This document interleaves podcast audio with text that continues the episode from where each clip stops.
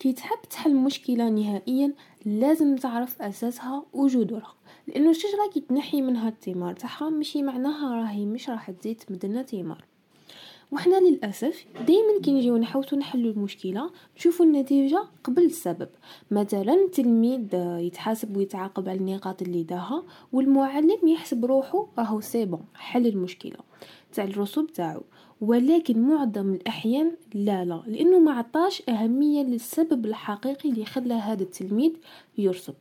كيما ثاني كي تفسد حاجة في الدار وانت الآخر اللي قصتها راح تتحاسب نتايا.